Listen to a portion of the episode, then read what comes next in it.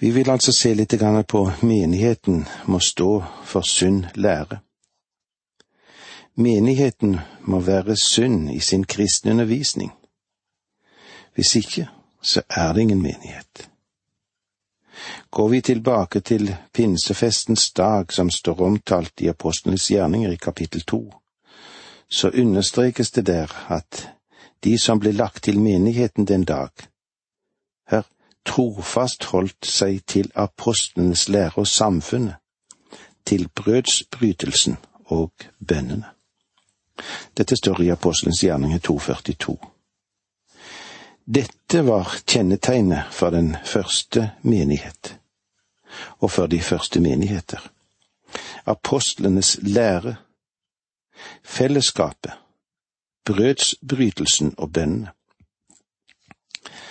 Det har lite å si hvor høyt klokketårnet er, eller hvor vakkert klokkene kan klinge. Det er det budskapet som kommer fra prekestolen som vil fortelle deg om denne kirken virkelig er en menighet med de kjennetegn som Paulus angir, og det Guds ord understreker. I det første kapitlet her i Titus brev lærte de eldste som Titus skulle innsette, de skulle være i stand til to ting. Rettlede etter den sunne lære og gjendrive påstanden til dem som sier imot. Det er viktig å ikke bruke hele sin tjeneste på å si imot andre. Det er noen som har en temmelig negativ tjeneste i så måte. Det meste de er opptatt av, er å angripe evangeliets fiender. Det er viktig nok, det er så, men jeg tror at vi alle trenger en balansert tjeneste. Den som er leder, burde være i stand til å rettlede til den sunne lære i Guds ord, og møte dem som sier imot. I dette andre kapitlet vil Paulus særlig stanse ved undervisningen av Guds ord. Vi leser det første verset her i kapittel to. Men du skal tale i samsvar med den sunne lære. Den sunne lære, det betyr apostlenes lære. Det var det som hadde den høyeste prioritet for den første menighet, det var apostelens lære. Det vi leser i disse brevene er også en del av apostlenes lære, for å ha sagt det. Først av alt hadde Paulus et budskap til de eldre, både av kvinner og menn. I vers to i kapittel to leser vi De eldre mennene skal være edruelige, opptre verdig og viselig og være sunne både i tro, kjærlighet og tålmodighet. De skal være sunne i sin kjærlighet og i sin tålmodighet. De skal være edruelige, og det betyr ikke bare ha et nøkternt forhold til alkohol, men at de skal være seriøse og pålitelige. Dette skulle være menn som var respektert og hadde selvkontroll. Vers tre Likeså skal de eldre kvinnene oppføre seg som det sømmer seg for hellige. De skal ikke fare med sladder eller ligge under for drikk, men være lærere i det gode. Oppføre seg som det sømmer seg for hellige. De eldre kvinner skal gjennom sin livsførsel vise respekt for det hellige. Ikke fare med sladder. Det vil si at deres ord skal være troverdig og ikke ligge under for drikk. En bemerkelsesverdig advarsel fra Paulus' side. Som regel er det mennene som får denne advarselen om edruskap, men her på Kreta var det kvinnene som i særlig grad blir advart mot drukkenskapens svøpe. Lærere i det gode. De eldre kvinnene ble altså tillagt en enorm betydning for fostringen i menigheten. Det burde vi kanskje merke oss. De eldre kvinnene skal i særlig grad undervise de yngre kvinnene. Vi leser nå vers fire og fem. Så de kan lære de yngre kvinnene å elske mann og barn, leve sømmelig og pent, være gode husmødre og underordne seg sine menn, slik at Guds ord ikke blir spottet. Være gode husmødre betyr at det står helt sentralt i dette å forme og skape et hjem.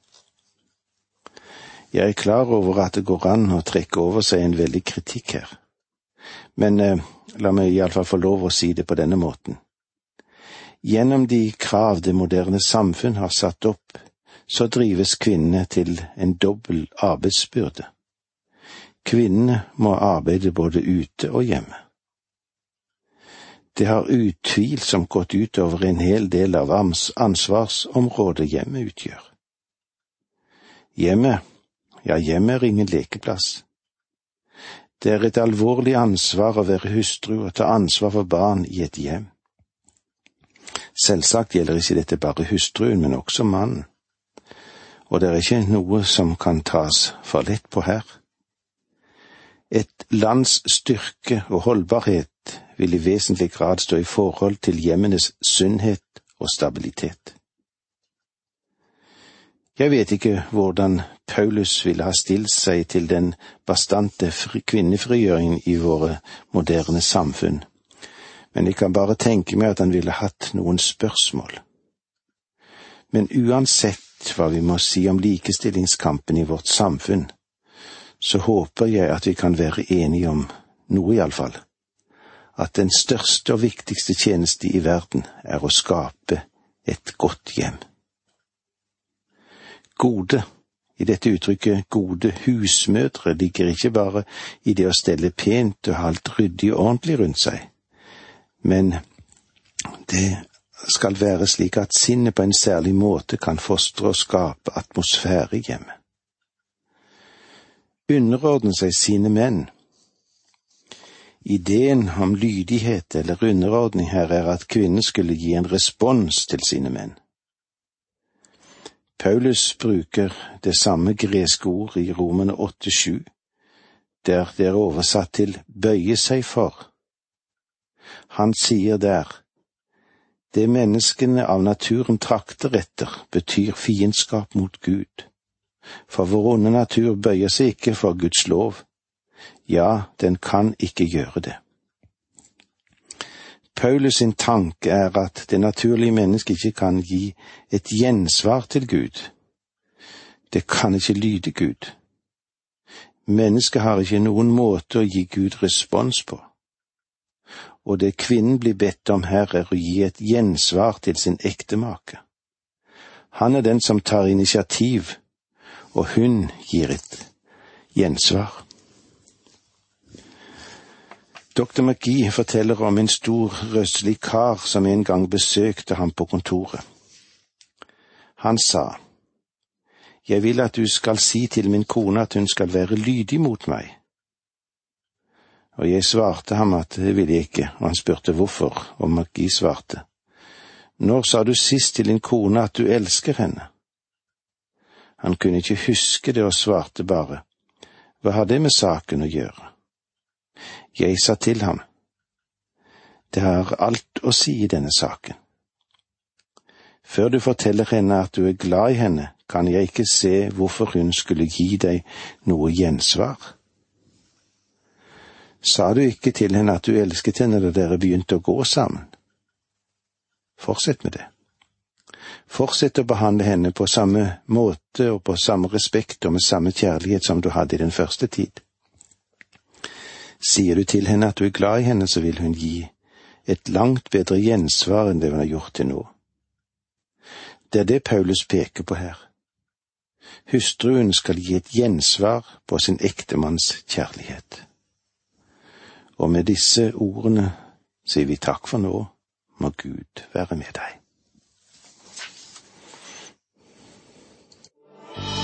Dette undervisningsprogrammet består av to deler. Åge Nevland fortsetter nå med andre del av dagens undervisning. Vi er i Titus sitt brev, i det andre kapitlet vi kommer til, og vi ser hvordan vi skal forholde oss til hverandre, og hvordan hjemmene på en naturlig og god måte kan være det sted hvor vi trives og har det godt. Vi har stoppet litt opp hvordan det skal være med de eldre menn og eldre kvinner, og nå skal vi se hvordan det er med de unge menn. I vers seks leser vi. De unge menn skal du formane til å være støe i all sin ferd. Nå vender Paulus oppmerksomheten mot de unge menn og det virker som han mener at Titus skal ta på seg oppgaven å undervise disse yndlingene. I vers syv, kapittel to. Vær selv et eksempel for dem i gode gjerninger. La læren være uforfalsket og båret frem med alvor. Paulus sier til den unge predikanten Titus, du skal være modellen for dem du er selv en ung mann og skal gå foran og lære dem. La læren være uforfalsket. Det vil si at Titus i sin forkynnelse undervisen skal vise en urokkelig tro på hele Guds ord, og skal behandle med alvor og redelighet de ting han tar opp i sin forkynnelse. Vers åtte Da blir din forkynnelse synd og uangripelig, og enhver motstander blir til skamme fordi han ikke har noe vondt å si om oss. Med andre ord skal din tale være åpenbar og ditt liv vise at du er et Guds barn. Vers 9. Slavene skal være lydige mot sine herrer i alle ting, og rette seg etter dem uten å si dem imot. Nå ser du at Paulus vender seg til en annen gruppe. I den første menighet var det mange slaver. Faktisk er 90 prosent av navnene som er risset inn på veggene i katakombene navn på slaver eller frigitte slaver.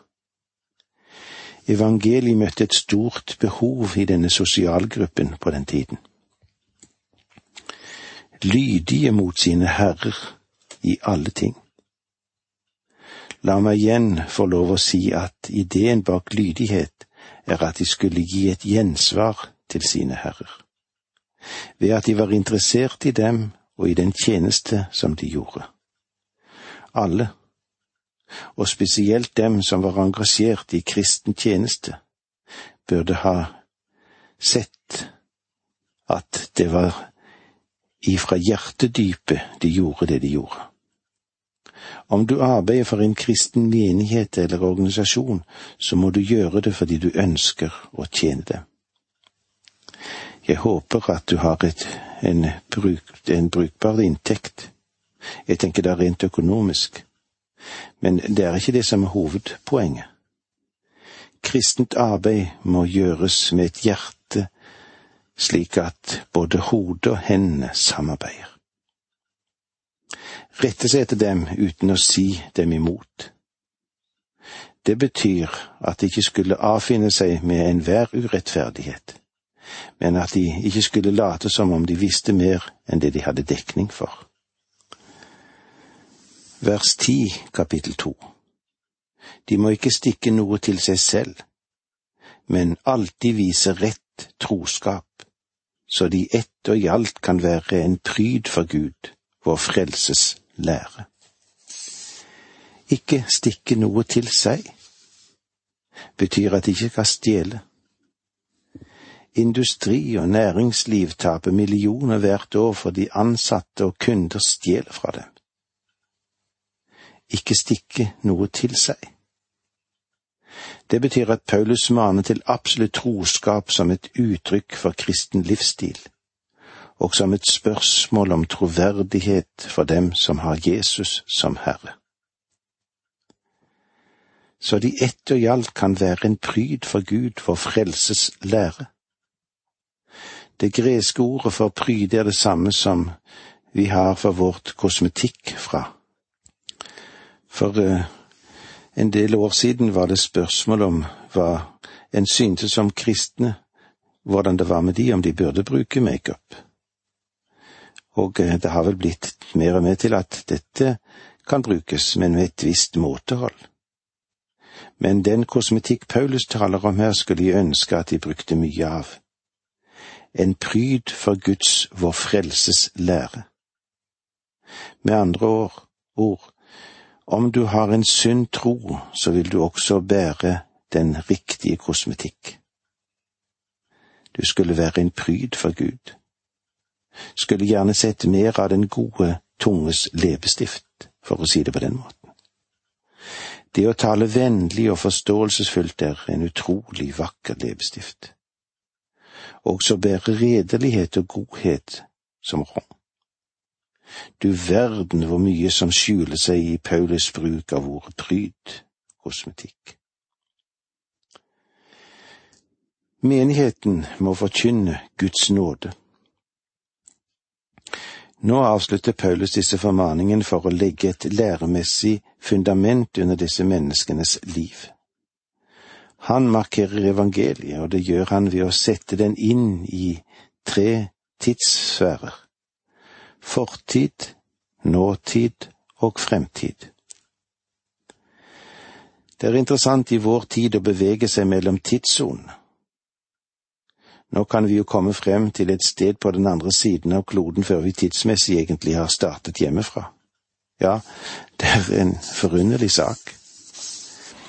Men det som er langt mer forunderlig i denne verden, det er at Guds nåde finnes i tre tidssoner.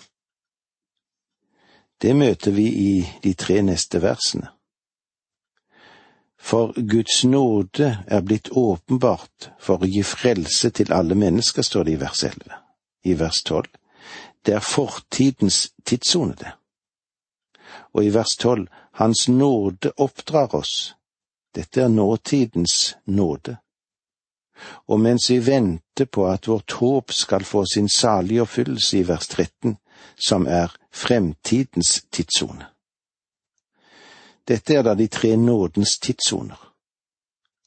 La oss se litt nærmere på disse tre tidssonene. Vi begynner da med vers elleve. For Guds nåde er blitt åpenbart for å gi frelse til alle mennesker. Paulus sier til folket på Kreta, Jeg ønsker å plassere dere på det solide grunnlaget som ligger i læren om Guds nåde fordi dere trenger et godt fundament. Guds nåde, det er den måten Gud frelser oss på. Det er Guds kraft til frelse. Paulus oppmuntrer Titus til å kreve av kreterne at de lever et liv som er en pryd for evangeliet. For det er en Guds kraft. Det er ingen unnskyldning for noen kristen å leve et liv som strider imot evangeliet. For Guds nåde er blitt åpenbart for å gi frelse til alle mennesker. Er blitt åpenbart betyr at det skinner frem. Det er en epifaninen, for å bruke et fremmedord. Det er den Herre Jesus som gjorde dette for oss da han kom hit for 2000 år siden. Det er han som er evangeliet. Det er han som kommer med de gode nyhetene. Han døde for oss, og han sto opp igjen.